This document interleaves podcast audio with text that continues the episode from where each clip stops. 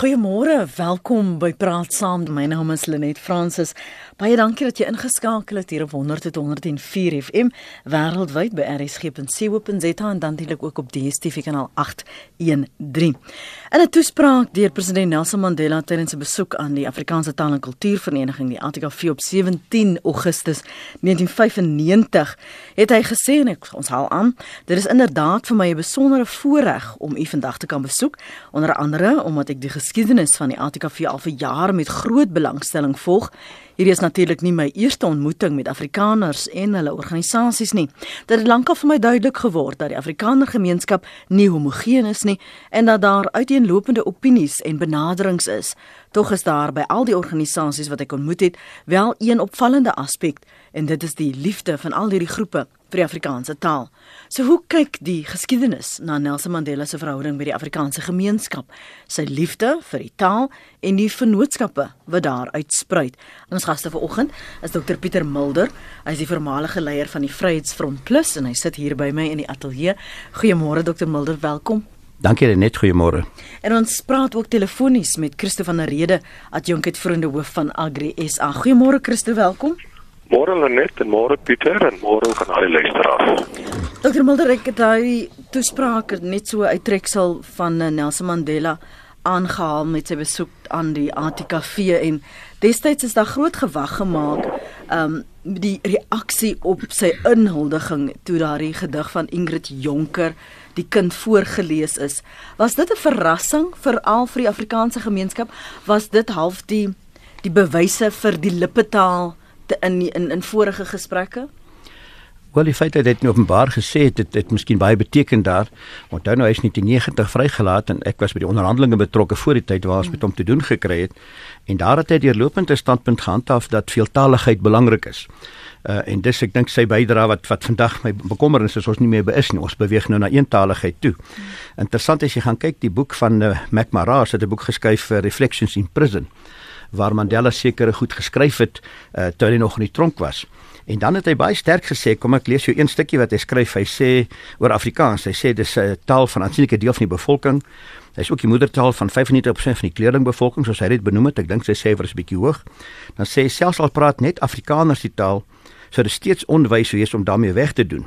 Dis die inherente reg van elke groep mense om sy taal sonder beperking te gebruik. Mm die af, afskaffing van Afrikaans sal net pas wees met die op progressiewe ontwikkeling in die verligte wêreld nie, maar sou ook 'n uitnodiging wees vir eindelose onvrede.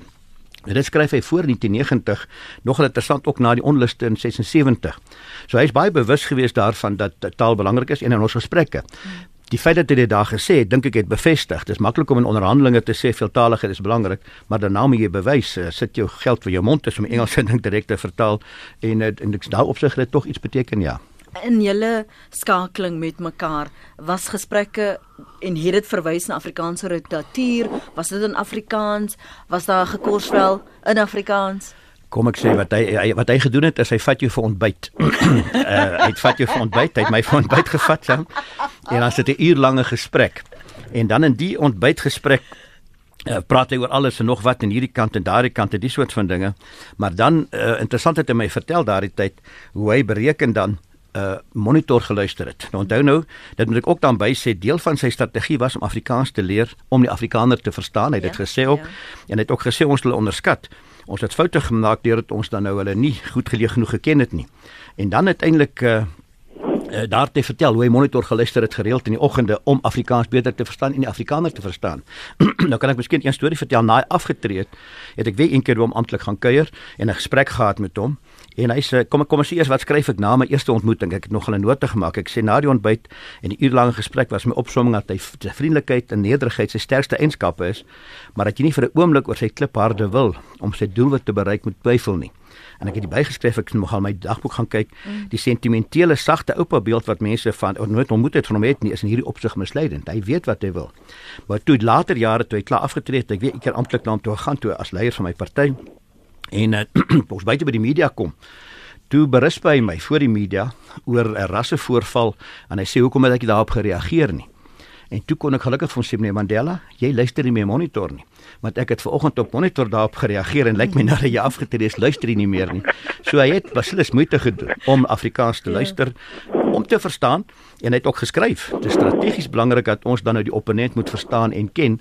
So dit was 'n strategiese iets, maar aan die ander kant het dit tog die voeder ingehou rondom veeltaligheid dat die mm. Afrikaans beklemtoon het en miskien ook die aanhaling in sy toespraak. Christo, het jy vir breakfast gegaan?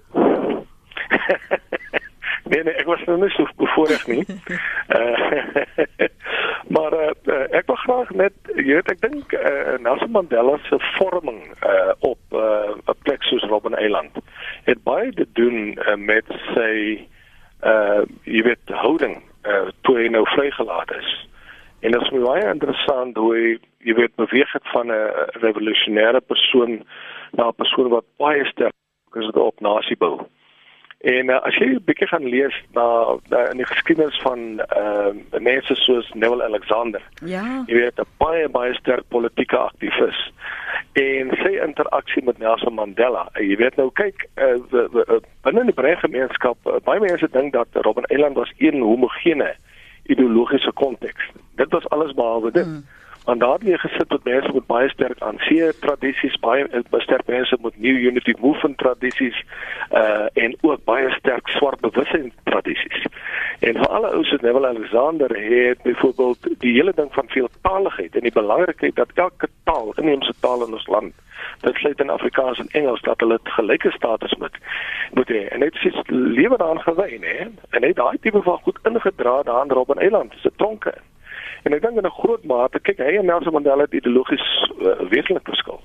Maar as jy deur sy uh jy weet biografie lees en jy lees die met sy navorsingsmateriaal, dan kan jy sien hoe hy ook die denke van Nelson Mandela beïnvloed het. En dan moet jy ook nie die rol van 'n James Gerald onderskat nie, né?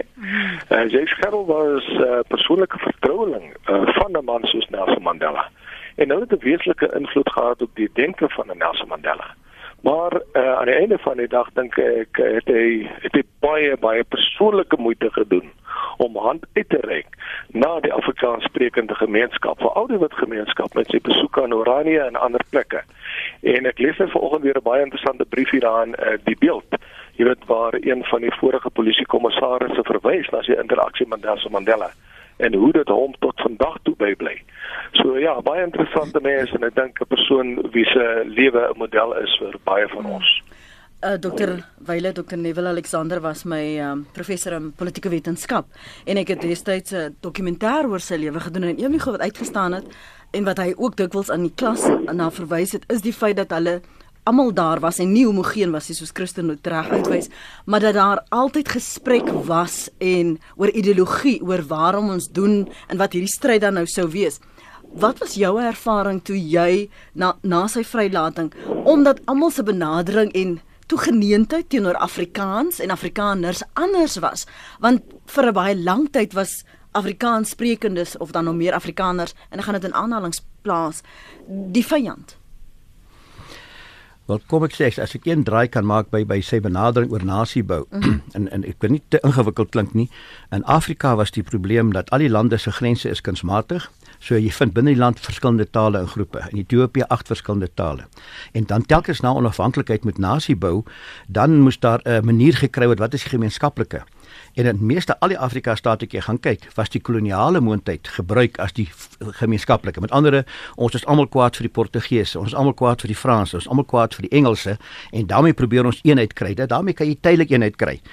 En hy het blaatant gesê dit gaan nie werk nie. Uh, met ander woorde Suid-Afrika is anders.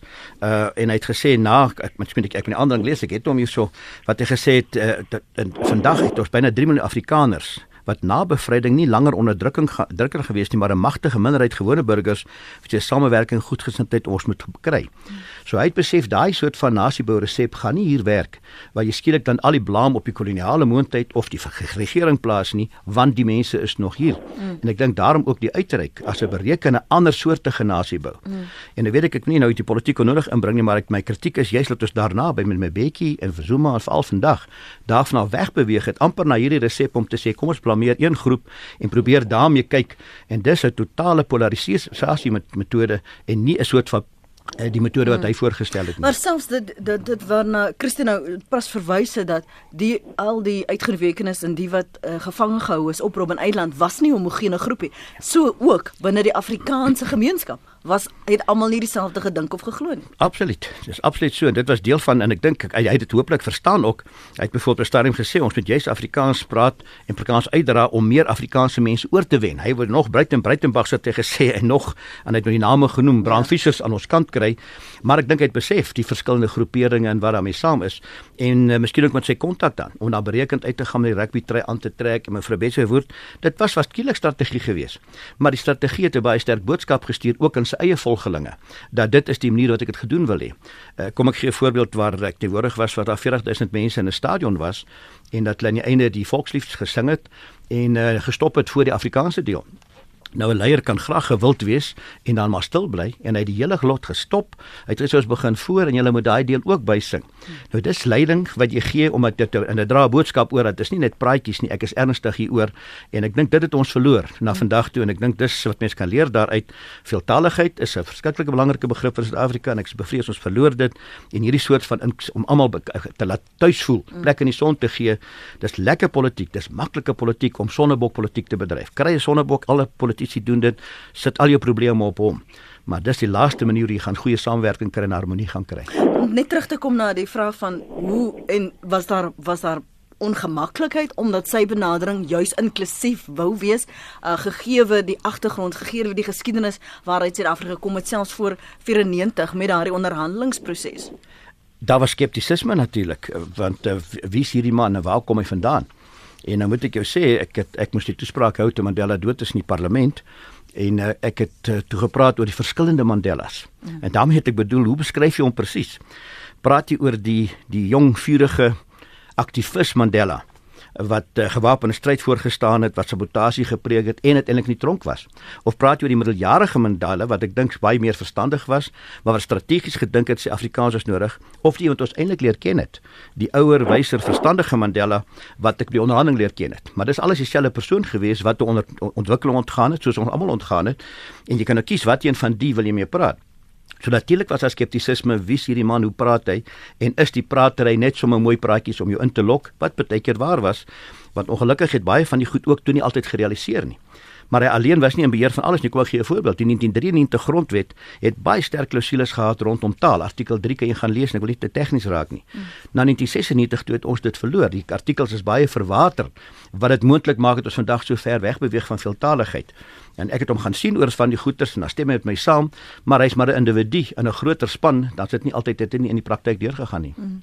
Was die benadering anders Christo in jou ervaring um, as deel destyds ek weet jy was op die die raad by die ATKV maar ook daar by binne die Agri SA en ander um, jy was by wat is die Afrikaanse besigheids Handelsinstituut AHI ja dankie dan vir regstelling was die die ontvangs van Nelson Mandela en die wyse hoe hy Afrikaanse gemeenskap benader het, was dit anders want dit was nie dieselfde in die bruin en of in die wit gemeenskap nie. Kyk, eh, ek dink Nelson Mandela kon 'n politieke konteks of selfs 'n sosiale konteks kon hy baie goed lees. Maar hy het natuurlik baie goed voorberei, soos uh, ek weet byvoorbeeld deur mense soos Jake Scherwel. Mm. Want Jake Scherwel het daai verskillende nuances baie duidelik verstaan. En ehm um, Uh, as jy nou byvoorbeeld sy verhouding met die AI gaan bestudeer, dan vind jy uit daar was geweldige uitreiking vir al van die ANC's uh, van die AI se kant af. Nou, ons is Nelson Mandela toe. En ehm um, mense soos die vorige uitvoerende hoof van die AI, Jacob de Villiers, hy was die vorige minister van landbou. Hulle het baie baie uh, uh goed saam oor die weg gekom, maar hulle het ook klomp projekte geïnisieer. Ek dis deur middel van daai tipe van interaksie wat Nelson Mandela toe met 'n klomp besigheidsleiers, jy weet op reis gegaan het deur die land. Ek kan nou meneer Ton Fosso van Naspers die eendag vertel. Hulle kom by 'n plek en daar sê Nelson Mandela, kom Ton, al uit die chequeboek, jy weet, uh, skryf 'n cheque so hier in skoolkampel. jy weet. En dan jy nie veel van 'n keuse as om die chequeboek uit te haal nie, want hoe lyk dit nou jy staan hier op die hoog en begin terugkrabbel, jy weet. Ja. So hy het daai vermoë gehad om mense te kan oorreed. Ja, so daar was 'n baie baie besondere band tussen hom en die AI en en deur deur middel van sy verhouding met die AI het Matthew Sponsa byvoorbeeld die eerste swart president van die AI geword. Nee, en uh, tot vandag toe het die besigheidssektor in in uh, Wes-Kaap 'n baie goeie verhouding. Selfs ehm um, jy weet die organisasie soos die ATKV het uitgereik na hom toe. En ek meen jy kan baie verder gaan. Uh, die mense in Oranje, hy daar gaan besoek af lê. Hy daar koeksisse saam met uh, Betsy Verwoerd uh, gaan geniet en koffie gaan geniet. Uh, dit is eintlik 'n ongelooflike uh, verhaal en ons ons uh, spandeer te min aandag om werklik waar die impak daarvan te ontleed en dit op een of ander manier dieper gestalte aan te gee. En onthou hy het 'n groot voorliefde vir die letterkunde gehad. Ja. En veral vir die Afrikaanse letterkunde. En uh jy weet as jy gaan kyk na die goed wat hy gesê het oor die letterkunde, hy sê byvoorbeeld dat mense letterkunde jou lewe nodig, want daarsonder gaan jy agteruit en hy het hy het groot waardering gehad vir die 60's uh byvoorbeeld uh mense soos Breitenberg mm. en Ingrid Jonker mm. en 'n klomp ander skrywers het net gevoel dit is deur middel van die letterkunde wat mense uh, jy weet se denke verskuif word. Uh ek meen dit is die nalatenskap van Nelson Mandela. Jy weet 'n mens kan dit nou natuurlik jy weet veroordeel Uh, maar aan die ander kant moet jy dit beoordeel teen die bepaalde historiese konteks. En binne daai historiese konteks het hy baie baie vermag. Dis die stem van Christo van Rede uit jong uitvoerende hoof van Agri SA en ons ander gas is Dr Pieter Mulder. Hy is die voormalige leier van die Vryheidsfront Plus en hulle uh, deel hulle opsommings en ook ervaring, persoonlike ervaring met 'n uh, oud uh, um, president Nelson Mandela en ons praat vanoggend ons probeer kyk hoe, hoe die geskiedenis na sy um, vennootskap, sy verhouding met die Afrikaanse gemeenskap, hoe dit daarna gekyk word. Sy liefde vir die taal, Christus nou net vir weer eens verwys na sy liefde vir letterkunde, maar ook die reaksie daarop deur hierdie vennootskappe wat ge, gesluit is. Kom ons gaan na die lyne. Connie is op lyn 1. Goeiemôre. Môre net jou twee gaste. Ja, jou klingel is afgesluit daar op jou advertensiebreek uh, met 'n aanhaling van Nelson Mandela. Ek herinner my aan nog een wat uh, op jou uh, onderwerp betrekking het. Hy het gesê as jy iemand uh, wil se vertroue wil wen, dan praat jy sy taal. Uh, ek wil graag die uh, vraag vra vir oggend as ons praat oor uh, ons taal, Afrikaans en ook ander tale, meertaligheid. Uh is daar seker onsekerheid, is daar twyfel oor die toekoms van Afrikaans. En indien wel, uh, wil ek graag by die gaste hoor, uh, wat is die oplossing? As ons as ons oor kwessies uh van hierdie land praat en dan spesifiek taal, uh moet ons by oplossings uitkom wat ons gaan vandag dalk die hele dag daaroor gesels. Uh Dr. Mulder het verwys na nasiebou. Hulle net jy die woordjie vennootskappe genoem.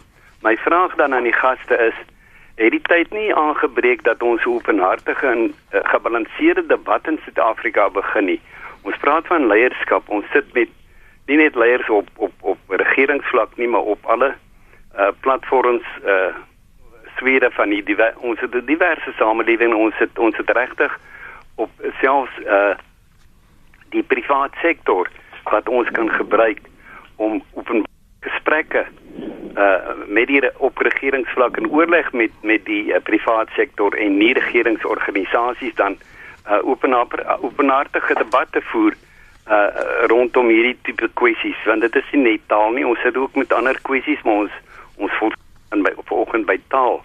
My vraag is net watter oplossings is daar uh behalwe net gesels daaroor Dankie daarvoor. Ek ek wil nie hier ons moet want dit gaan ons nie net vir een dag besig hou nie. Dit gaan vir ons baie lank besig hou. Ek wil dit terugneem na 'n ding wat jy gesê het vroeër oor hoe die verhouding was en wat die vooruitsig was en hoe dit afgewater is met uh Thabo Mbeki se presidentskap en Jacob Zuma se se presidentskap en jy daaraan geraak oor die aanvanklike idee met selfs die verskillende artikels was om veeltaligheid aan te moedig. So kom ons maak liewer 'n vergelyking met hoe sou jy die verskille in benadering teenoor die Afrikaanse gemeenskap en Afrikaanse taal beskryf sedert wat hy begin het in Nelson Mandela se visie en en waar ons nou staan as wat ons nou praat oor al die oplossings. Ja. Ja, dis ek ek ek, ek wil nog sê gaan lees al my toesprake in die ander. Ek het 'n paar ek het 'n paar debatte gehad wat ek spesifiek debat aangevra het oor ja. taal waaroor gepraat het. Ja. Miskien moet ek hom weer aanhaal net interessant. Hy sê in die parlement en is 'n Engelse aanhaling en hy sê uh, we all agree that pursuing equality does not necessarily have to entail downgrading of any of the languages. The challenge is how to raise the other languages to the level they deserve. Met ander sê benadering, dis nie 1094, sy benadering is geen taal moet afgeskaal word nie, maar ons moet die ander opskaal as ek net daai woord so verkeerd kan gebruik sodat ons benader mekaar kan kom. Maar nou die vraag is geldig, hoe doen mense dit prakties? Uh, ons het in die parlement amper hoeveel ja 6 jaar gestoei. Ek het 'n debat gevra om net 'n tolkdiens ingestel te kry. Want toe ons daar kom, was daar nie 'n tolkdiens nie. Nou outomaties gaan alles dan na een taal toe. En onmiddellik is jy slegter af en Neville Alexander het dit baie mooi bewoord om te sê ons is almal tweede klas burgers as ons nie in ons moedertaal kan kommunikeer nie, maak nie saak wat dit is nie. En na 4, 5 jaar het ons geslaag en ek wil sê het ek geslaag as ek nou mag dit sê dat daar 'n tolkdiens staan dat jy in enige van die 11 tale kan praat en dis al maniere om dit te doen en dit word getolk en skielik is daar mense wat te bang was om te praat wat nou sterk toesprake hou na die kant of na daardie kant. So ek ek wil nou nie daai debat ingaan nie maar wat ek baie sterk oor voel is die amptelike taalfunksies van 'n taal moenie verlore gaan nie. Uh natuurlik sal Afrikaans oorleef in die kombuis as 'n kombuistaal en by die kunstefeeste. Maar as jy hom nie meer op amptelike vlak kan praat of waar ook al nie en dit geld die ander tale wat moet opgehef word. Ons ek wil nie tegnies raak nie. Mense kan baie dinge doen deur op, op provinsiale vlak erkenning te gee en so meer en so meer as as ek nou moet oplossings praat. Maar wat waar is net en nou moet ek net 'n bietjie ongelukkig daarby kom. Uh ek ek wil nie sê ek het my boek geskryf. Hy was eintlik maar 'n Engelsman gewees met sy agtergrond. Maar hy het klaar begin wegbeweeg uiteindelik al meer. Ek kan net hoor dat ek hom een keer hoor 'n Afrikaanse woord oor sê het nie, ek dink nie hy kon nie. Nie dat ek sê dis die enigste ding nie, hy kon ander tale praat. Maar uh, klaar was dit klare weg beweeg daarvan al meer en meer en veral toe hy nou begin praat het van Afrikaners as settlers en colonials with a special kind and so on, het hy jou begin uitskuif eintlik in 'n sekere mate.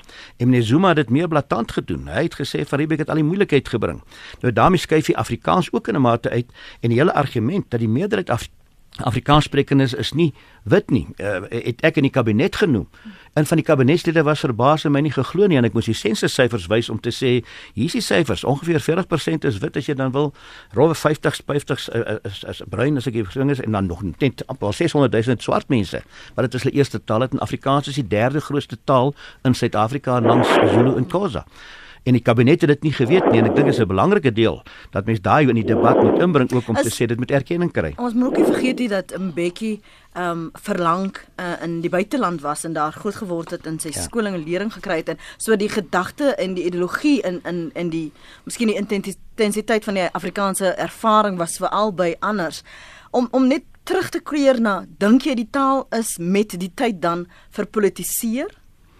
Ja, ek ek veral van nou is hy gepoliseer as jy nou in die tans in die parlement is. Ek onthou nou uh, iemand soos meneer um, Malema hulle gaan sit die oomblik as die as die Afrikaanse deel van die van die van die volkslied gesing word. Hmm. Nou hulle het heel ander argumente. Die volkslied was jy soos ek 'n kompromie verstaan het, mm -hmm. doen vier tale. En as jy vier tale doen, kom ek sê as jy die Nguni tale doen, jy doen die Sotho tale, Afrikaans en Engels, dan jy 98% van Suid-Afrika se bevolking wat jou verstaan. Dis Shangana Wende wat in die moeilikheid is en daar buite is. En dit was die kompromie daarmee saam. Hy sien dit as 'n roeping van die verlede en al die soort van goeters, maar onmiddellik dan word ek net so kwaad uh, as hy dit aan my doen soort van want dit is 'n belediging aan my kant toe en hy gee nie erkenning aan my taal nie. En ek dink daar het ons wel geslaag om om Afrikaanse taalraad en, en uh, my kollega kan lank daaroor praat, het ons gestoei om dit gevestig te kry. Maar dit kom uit meneer Mandela se tyd waar ons artikel 185 in die grondwet kon inkry wat dit moontlik maak om taalrade vir eenlei tale te stig wat hom beywer daarvoor. En om dit reg te kry, moes ons oor baie grense gaan praat. Ons het beklei, die rookwolk het gestaan. Waar vir Danny tyd het ons mekaar beklei en gegryp om dit uit te kry, maar uiteindelik het ons tog 'n taalraad wat ek dink baie goed vaar om die Afrikaanse taal te bevorder en is jammer dat ons nog nie slaag om vir al die ander tale dit ook te kry om dit te bevorder nie, want dis twee benaderings. Of jy beweeg na veeltaligheid, gaan na die Europese Parlement waar daar hokkies sit met 20 vertalers, of jy gaan na eentaligheid en dis die debat tans met bekommernis is ons beweeg na die ander kant toe nie na veeltaligheid nie tot nadeel van baie mense. Christo kom nou nou by jou. Ek wil gehoor wat sê Martin. Hy hou vir ons aan op lyn 4. Môre Martin. Morning, net hoe gaan dit? Goed, dankie en jy? Klaar nie. Gaan voort asseblief. Ja, ek uh, was 'n voormalige direkteur-generaal in die Noord-Kaap. Uh ons was die eerste groep wat saam met uh Madiba gedien het, saam met Jake Gerrel. Ja. En uh ek het baie vergaderings in die Noord-Kaap met hom saamneem. en uh, dan die idiom in Afrikaans waarom by funksies uitdruk uh praat die mense in die area op Oranje uh, daar was uh, Justice Chungu Ja.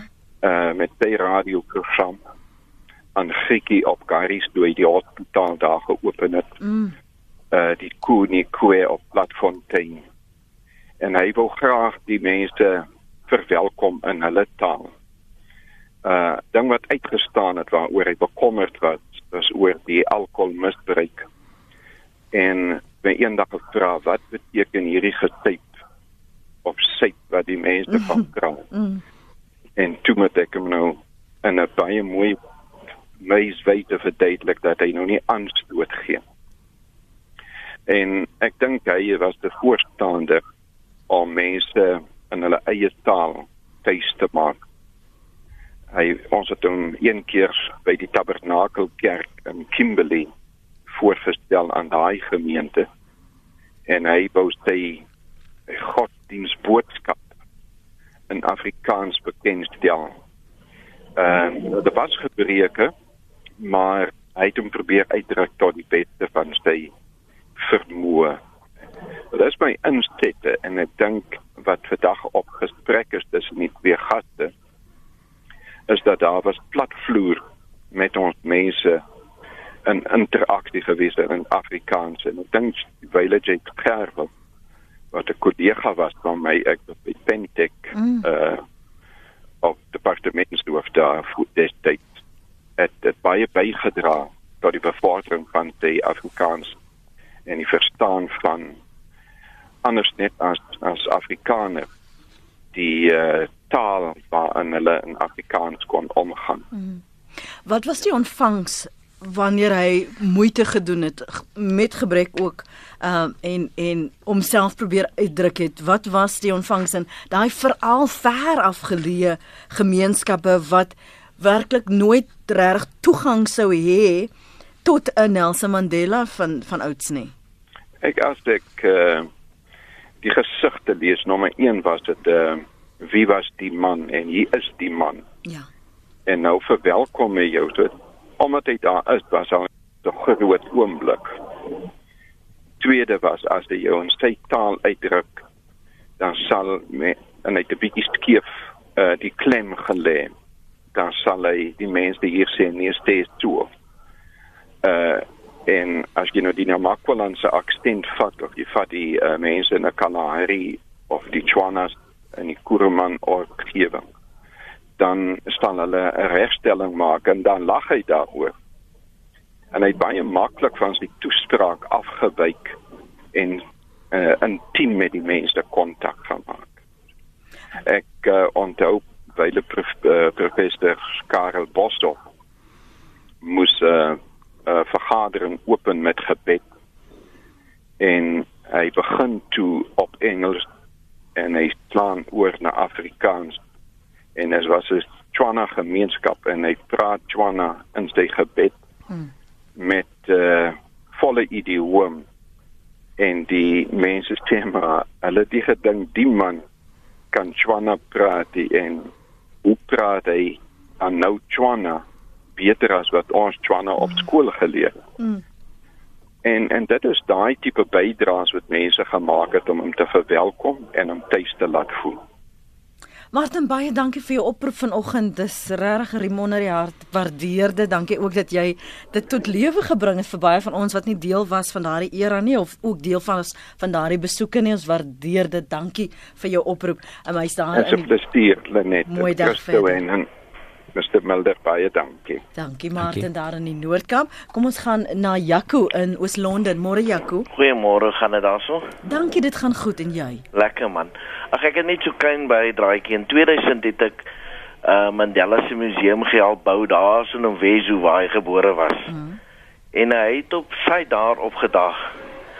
En uh um hy het almal ek meen hy hoef nie ons te kom groet nie want ons is wel die werkers. Maar hy het na elke werker toe gegaan en hulle taal gepraat met hulle tot hy by my gekom het. Toe vra hy my in Engels what language? Toe sê ek van well I speak English but ek is Afrikaans. En hy het Afrikaans met my gepraat. Eerste ding wat hy vra is waar ek vandaan? Sê ek vir ons Londen. Toe vra hy vir my, mis ek my familie? Hoe gaan dit met die familie? So hy was baie, jy weet, hy het elke ons eie taal daar probeer help en praat. So hmm. dit was maar die ervaring wat ek gehad het met hom daarso. Dankie vir jou oproep Jaco. Ek dink dit is een van die dinge wat ook belig word Christo in sy boek waar hy uitgereik het moeite gedoen het om verhoudings te bou met die Afrikaanse wagte, uh, selfs van die ministers. Uh, jy het net ook verwys na die invloed en die waardering vir letterkunde. Was dit politiekery of was dit 'n werklike belangstelling in die ander mens, Christo? Ja, ek dink jy weet hoe ouer mense raak. Ek meen ek kyk maar na my eie groei, jy weet, uh, studente aktivis uh jy weet verskriklik uh, polities polities radikaal en dan trou jy die dag en dan besef jy maar politiek gaan nie brood op die tafel sit nie. En dan jy kinders en dan begin jy jy weet anders dink oor die wêreld en jy begin uh jy weet die wêreld ook anders interpreteer. En uh jy weet op die ouderdom wat ek nou is, begin ek baie anders dink ook oor die politiek. En as mense 'n bietjie deur die wêreld gereis het en uh, jy ontdek hoe ander samelewings uh, tot stand kom of tot stand gekom het en hoe mense met mekaar saamleef, uh, hulle uh, is tog verskillend, maar hulle vind 'n manier om met mekaar saam te leef. Dan dink jy jouself, jy weet, uh, kom ons hoe kan ons ons in, uh, in Suid-Afrika byvoorbeeld 'n nuwe platform begin skep?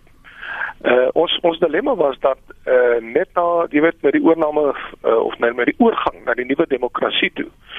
Jy weet het ons almal gegryp na hierdie hierdie uh jy weet hierdie idee van ons moet almal een wees. Uh en nou gou ons wegbeweeg van uh hierdie beheerte tot ras hoe hoe, hoe weet ek ben hoe dit is natuurlik 'n goeie ding om te doen.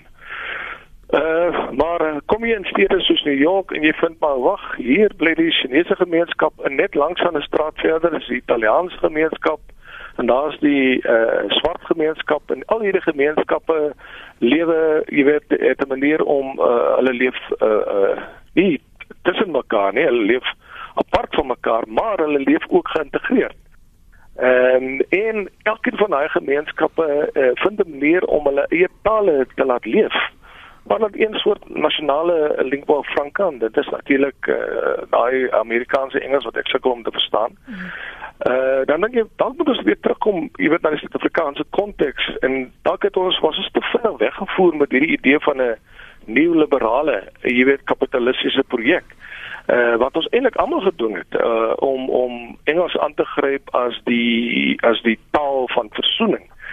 Uh en ek het die afgelope tyd ontdek maar waar uh, wit Afrikaans sprekendes vlot Sotho praat of vlot Khoisa praat, dat hulle onmiddellik 'n totale nuwe verhouding begin ontsluit met 'n uh, Khoisa sprekende persoon. Ek was verstom onlangs by 'n lughawe toe jong wit seun Sotho praat en skielik begin al die uh, swart Sotho sprekendes rondom hom saamdrom en die manne praat Sotho laat die besies bewe.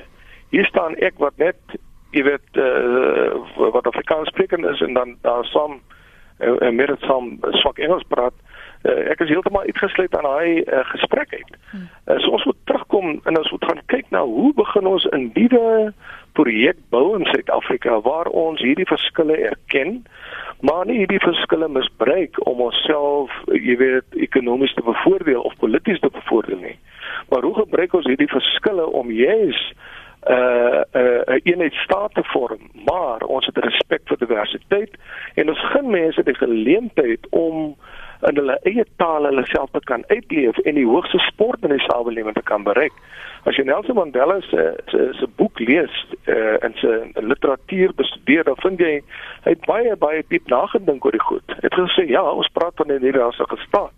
Maar die rassigheid beteken nie dat ek en jy nou skielik geassimileer moet word in een kulturele sfeer nie. Maar dat ons juis ons kulturele identiteite behou maar dit op so 'n manier uitleef dat dit nie tot nadeel van 'n ander persoon is nie. Wat ons nou in die in in die huidige konteks sien is 'n totale oorheersing. Jy weet en dit is waarom jy al hierdie uitstulping sien binne in bepaalde gemeenskappe waar mense ondergronds gaan of hulle begin 'n subidentiteit aanneem en uh, hulle is totaal verward. Ek dink die hele Suid-Afrika is totaal verward. Niemand weet waarheen om uh, te gaan en watter rigting om te beweeg nie. En ons sien dit uitspeel uh op verskillende terreine in die samelewing, veral in die sosiale konteks. Uh so ek dink dan moet ons 'n baie dieper en 'n groter gesprek hê in Suid-Afrika. En dit gaan nie hier oor die bevoordiging mm. van 'n bepaalde groep mense of 'n bevoordiging van 'n bepaalde reële identiteit nie.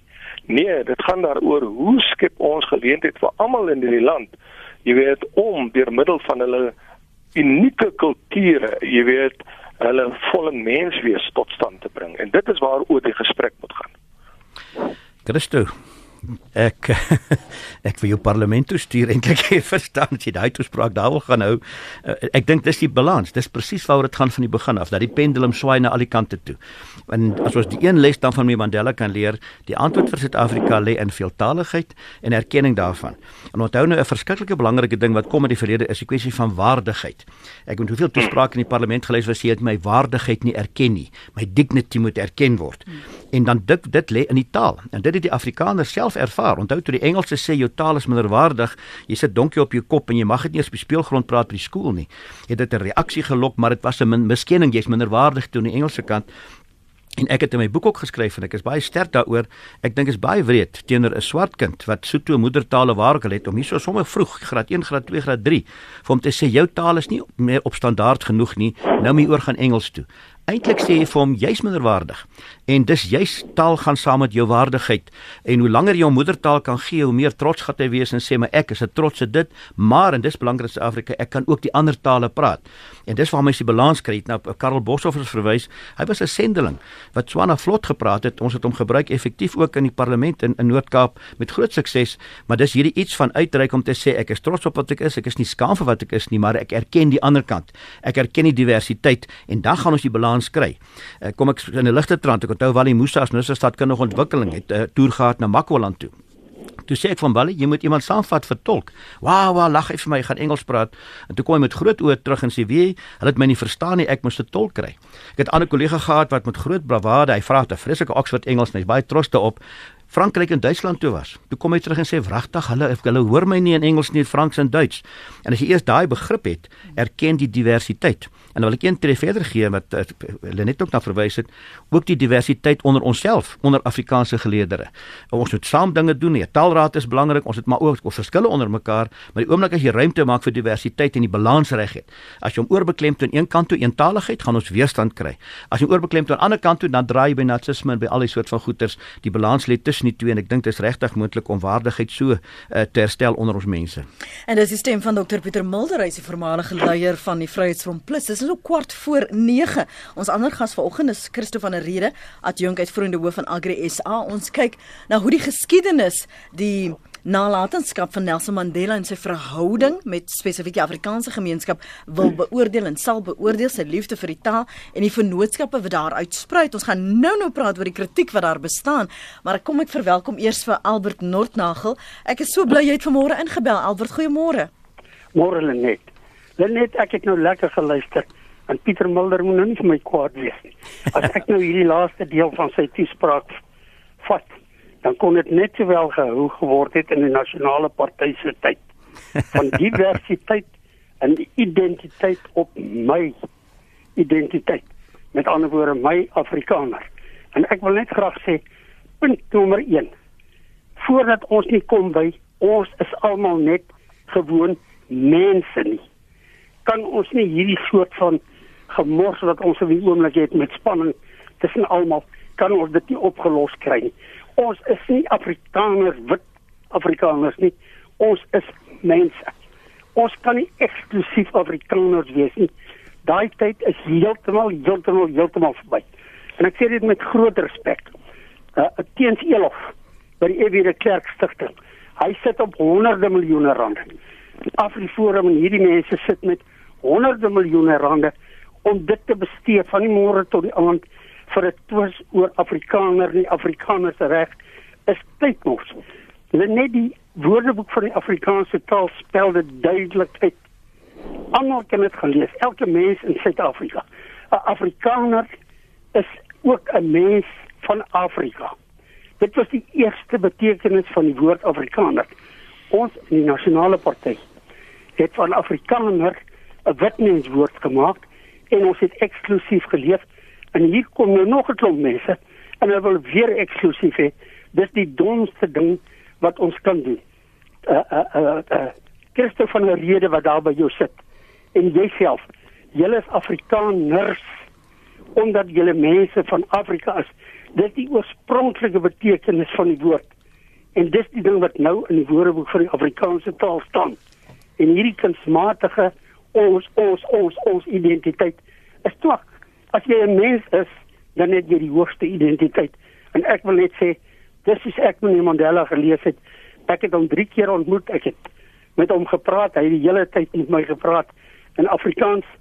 Ek kan dit nie glo dat ons nou nog aangaan met wit Afrikaners ons is net besig om aggressie teen ons op die halfstaal en dit is nie nodig nie. Elke enkele mens in hierdie land wat Afrikaans praat is 'n Afrikaner. Daar is nie in my oë is daar nie iets soos 'n bruin mens en 'n wit mens nie. Uh, ons moet net mense word, mense. Nie wit Afrikaners wat sê vir wit Afrikaners se regte nie. Dit is wat die twis ontketen en van so die twis sal dit voortleef tot in alle ewigheid. Dankie vir jou. En, en ek wil net vir Pieter sê, leer jy myself 'n bietjie Sotho. Ek kan nie so totale praat. Ek kom heeltemal reg. Ek het nog nooit 'n belediging vir my Afrikaanse taal gehoor nie. Dankie julle nie. Dankie Albert Noord. Kan ek op Albert net Net reageer? so vas, ek sluit sommer hier aan by een van ons luisteraars, uh, net vir die luisteraars konteks hier dat uh, Albert is 'n voormalige diplomaat ook en ehm um, praat vanuit daai spek- perspektief en van wat hy met sy ontmoetings met meneer Mandela gehad het Eh, om aan te sluit by wat Albert hier voor aan die einde vir jou gevra het. Mariaan vra, Lenet het meneer Mulder of ons ander Afrikaans sprekendes uh, sprekende leiers al ooit vir meneer Mandela in sy eie taal gegroet. Ek wonder maar net. Ja, absoluut. Gaan kyk na my toesprake en ek wil vir Albert ook sê, Albert, uh, jy moet parlement toe kom, jy's 10 jaar agter die tyd met jou denke met alle respek. In die opsig, ek het 'n paar keer my die, die Vryheidsfront huidige leier het in sy toesprake berekend Sotho of Xhosa gedeelte selfs laat vertaal. Ek het 'n toespraak gehou in Bloemfontein in elk geval wat ek in drie tale laat vertaal het. Ek het 'n lesing daar gelewer by die universiteit. Ek het hom in Sotho, Afrikaans en Engels beskikbaar gestel gestel. Uh, so ek ek, ek ek ek weet nie wat Albert my mooi wil sê presies nie. Hy sê ek is 'n mens, hy's 'n mens, ek is ook 'n mens. Maar ons het baie identiteite.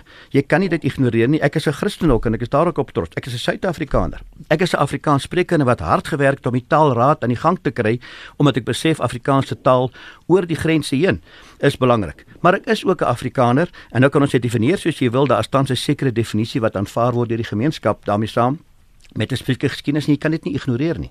Wat ek wel, en kom ek sê ek het 'n onderhoud met Ramaphosa gehad in November. Wat ek vir hom gaan sê, my laaste keer gesê meneer, ek wil vir jou sê, daar's tans druk op dan die Afrikaanse taal, maar ook op Afrikaners, definieer hom soos jy wil en die dilemma daarvan saam is nou word die energie gebruik na daardie kant toe eers om te red en te oorleef, terwyl die energie gebruik sou kon word om beter te maak uiteindelik haal die druk af. As Malema sê ons is nie nou al daar om julle dood te maak nie of regstel 'n aksie maak dat my kind nie kan werk nie, dan onmiddellik word daai identiteit vir my oorbeklemtoon en begin ek daarop reageer. So al die identiteite is belangrik. Almal is daarmee saam, maar respek is belangrik aan al kante toe en ek het al 'n paar keer daarmee probeer uitreik na ander kant toe en dan waardeer ek as meneer Malema na my uitreik, maar dan word ek woedend kwaad. As die EFF berekend my beledig en my taal min ag uiteindelik as ek uitreik met voort met hulle taal te probeer praat. Mm. Ralph môre? Net môre en môre aan jou gaste. Ja, ek kon nou nie ingaan op daai debat wie ons is. ek wil die daad by die woord voeg. Ja. Kom ons deel net man. Jy weet, Mandela het gesê sy eerste toespraak by die City Hall in die Kaap. I don't stand before you as a prophet. Ja, hy het ver gesien. Maar hy sê I stand before you as a humble servant. En 'n servant is iemand wat dien. Jy weet ons het soveel hulpbronne en en en en ons moet alles deel. Kennis, kapitaal, rykdom. As ek ook net iemand bemagtig, want dan wil ek na twee skole toe gaan. Ek het nie geld vir hy kinders nie, maar ek gaan vir hulle 'n visie daar sit. Ek sê vir hulle waar julle nou is, waartoe julle op pad is, die medium, langtermyn planne. Laat ons die ekonomie kan kan groei en maak groei. Jy weet ons is in Suid-Afrika en ons word die beste te vaar van al die demokratieë, want ons het heel laaste aangekom. Jy weet ons ons ons en ons moet leer van die ander se lesse, daai pynlike lesse, so we don't need to reinvent the wheel. Professor Sampieter Blanche het dit al gesê. Daar moet ekstra belasting gevat word van die rykes. Nou wil ons sien en ons kyk hoe ons kan belasting ontduik. Jy weet ek het vir 'n reg oor die spektrum. daai meneer van 'n rede sit op op op landbou. Jy weet daai vier produksiefaktore: grond, arbeid, kapitaal, water. Hoe maak ons daai ding accessible? Hier loop nou honderde water, uh, hektoliters water weg in die Weskaap.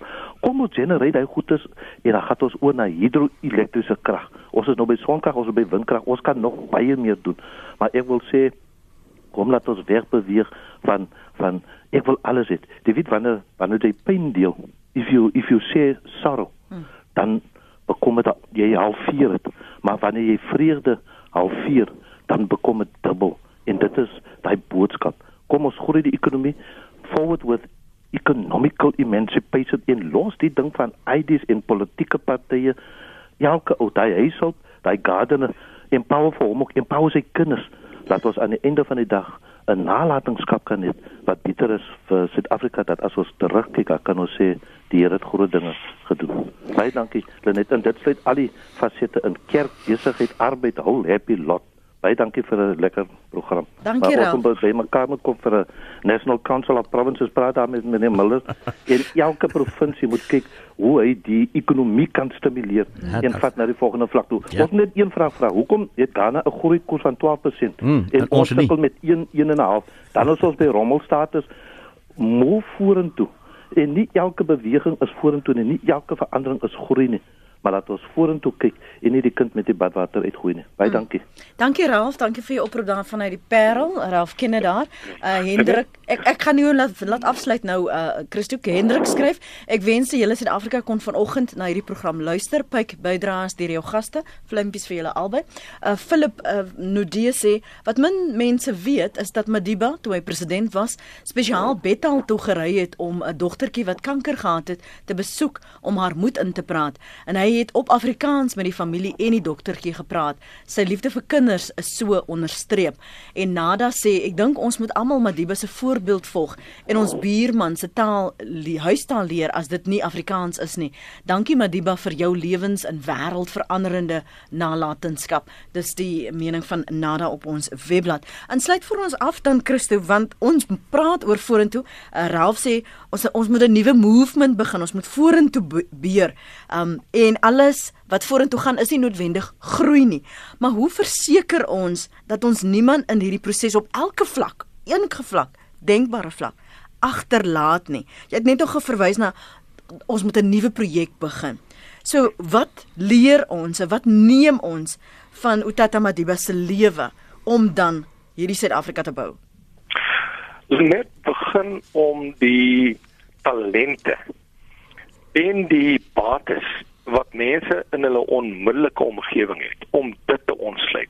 Nommer 1 vir bemagtigingsdoeleindes, nommer 2 vir uh, sosio-maatskaplike doeleindes, nommer 3 vir ekonomiese doeleindes en jy kan dit selfs op politieke doeleindes ook ontsluit. Wat bedoel ek daarmee? Ek het daar op plattelandse plekke groot geword, ver van die groot stede af. My eerste taal wat ek aangehoor het was my ma wat met my in Afrikaans gepraat het. Ek was bevoorreg ek kon in Afrikaans skool gaan, ek kon hoërskool toe gaan. Ek het nog my eerste paar jaar voorgraadse studies ook in Afrikaans gedoen en ek, en ek is vandag uh, redelik suksesvol. Hoekom gaan ons dit daai voorreg vir al ons mense in die land hier? Nou ja, in sekere kontekste is dit nie altyd moontlik nie, veral in jou stede. Maar op die platteland, hoeveel mense, hoeveel ons mos nou nie mense daai voorreg te ons hê nie. Tweedens, kom ons gaan kyk wat is die bates wat mense in onmiddellike omgewing het. Goed, daar's landbougrond of daar's grond dalk vir mynboudoeleindes. Dat hoe kan ons daai bates begin ons sluit tot voordeel van 'n gemeenskap? Ons is besig om op 'n ramp af te stuur. Ek het net gister die mees gruisame stories gehoor. Hoe hierdie kommunale chiefs byvoorbeeld die grond van die mense verkwansel aan mynmaatskappye. Kom aan mynmaatskappye en hulle morsie water op, hulle morsie grond op, hulle van die minerale en al daai rykdom vloei die land uit en daai gemeenskap is nou nog armer as wat hulle was. Dis waarom ek sê ons moet terug na die tekenbord toe. Kom ons gaan kyk na hoe ons tale en veral ons inheemse tale kan gebruik as instrumente vir ekonomiese bemagtiging. In Afrikaans het ons koerante, ons het media, ons het feeste, you name it, ons het dit. Hoe kan ons dit daai tipe van geleenthede ook ontsluit in hulle van ons ander tale nie? As ons alles in Engels het, beteken dit al ons materiaal word van buiteland ingevoer en die praktyk beteken is kapitaal wat uit die land uitvloei. Ons het 'n baie diepe gesprek gaan hê hoe ons die in 'n terug na die tekenbord toe om die talente van ons mense binne hulle bepaalde kontekste te ontwikkel en op om net bloot uh, ontvangers te wees van dienste en produkte van hierdie buiteland. Kan jy dit in 30 sekondes? 30 sekondes. Hoe sê ek nou Alotta Kuntunya as ek nou gesê die stryd gaan voort.